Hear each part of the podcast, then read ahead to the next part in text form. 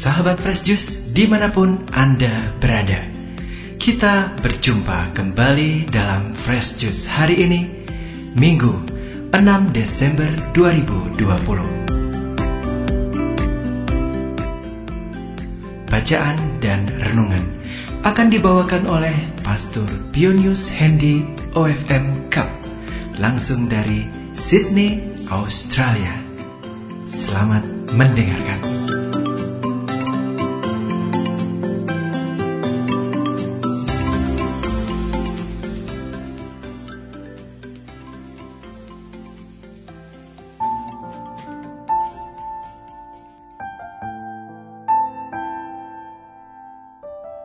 Selamat pagi para pendengar Daily Fresh Juice. Hari ini kita memasuki minggu Advent yang kedua. Bacaan untuk renungan hari ini diambil dari Injil Markus bab 1 ayat 1 sampai dengan 8. Marilah kita simak dan refleksikan bersama.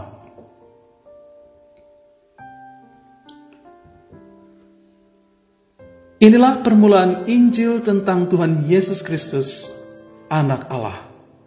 Seperti ada tertulis dalam kitab Nabi Yesaya, Lihatlah, aku menyuruh utusanku mendahului engkau.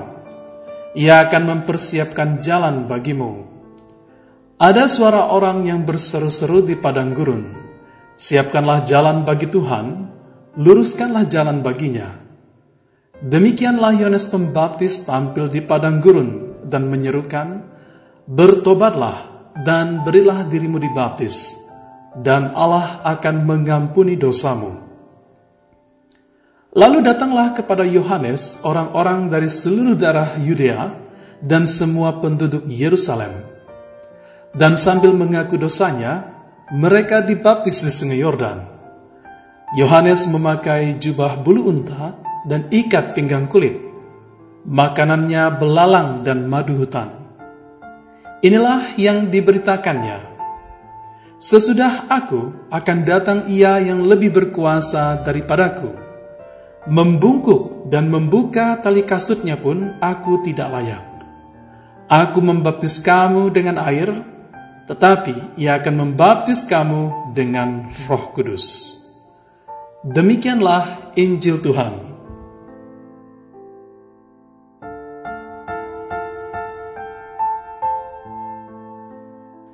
Saudara-saudari yang terkasih, para pendengar setia Daily Fresh Juice, bagi pengarang Injil Markus, kehadiran Yesus Kristus Sang Mesias merupakan permulaan sejarah yang baru bagi umat manusia. Dengan menampilkan sosok Yohanes Pembaptis sebagai nabi penutup Perjanjian Lama dan pembuka Perjanjian Baru, Markus secara implisit hendak menekankan bahwa the new exodus, yakni peristiwa keluaran yang baru, sedang terjadi di dalam dunia. Bukan dari perbudakan Firaun, tetapi dari perbudakan dosa. Dengan demikian, Markus hendak menegaskan bahwa Yohanes Pembaptis merupakan nabi yang menjembatani antara perjanjian lama dan perjanjian baru. Sekedar info, pada zaman Yohanes Pembaptis, orang-orang Yahudi memang tidak lagi berada di pembuangan Babylon. Namun pada saat itu mereka sedang berada di bawah tekanan dari kekuasaan asing, yakni Kekaisaran Romawi. Berabad-abad lamanya tidak ada nabi yang menyampaikan sabda Allah kepada mereka. Bisa dilihat dari kitab 1 Makabe bab 9 ayat 27.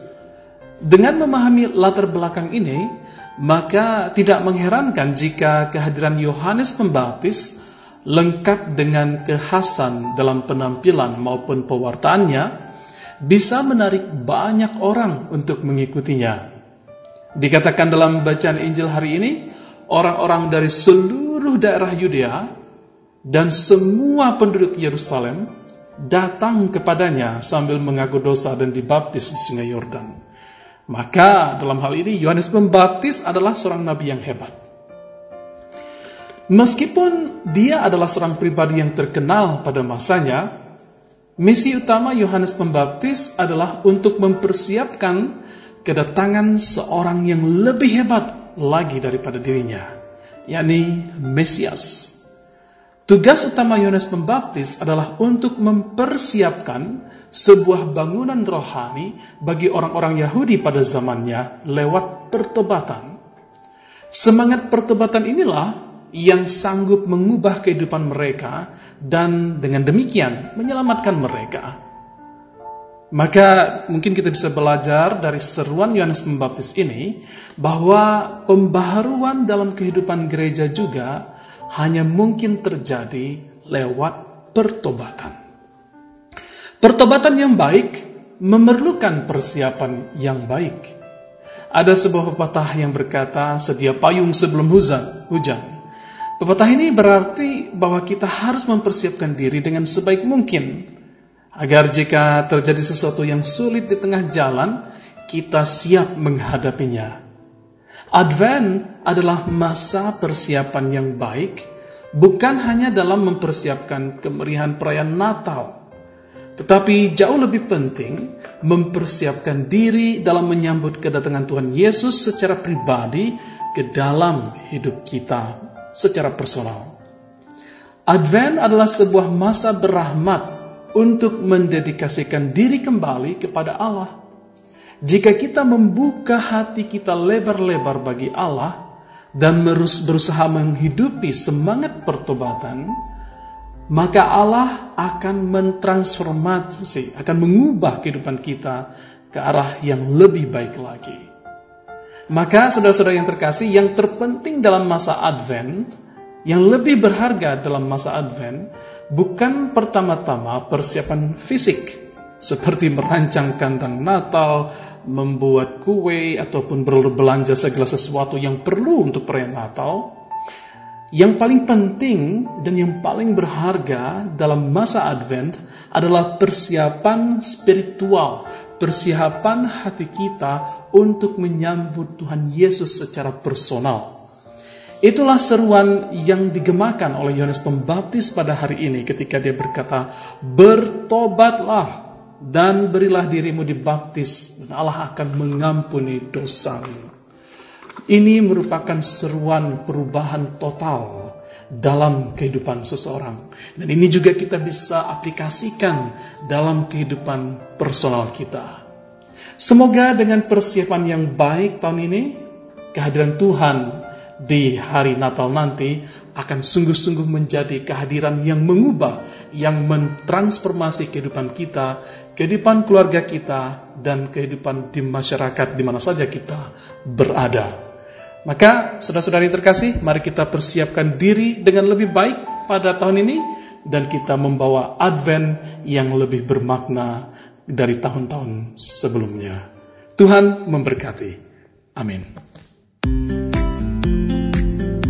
Sahabat Fresh Juice, kita baru saja mendengarkan Fresh Juice Minggu 6 Desember 2020. Segenap tim Fresh Juice mengucapkan terima kasih kepada Pastor Pionius Hendy untuk renungannya pada hari ini. Sampai berjumpa kembali dalam Fresh Juice edisi selanjutnya. Tetap semangat, jaga kesehatan, dan salam Fresh Juice.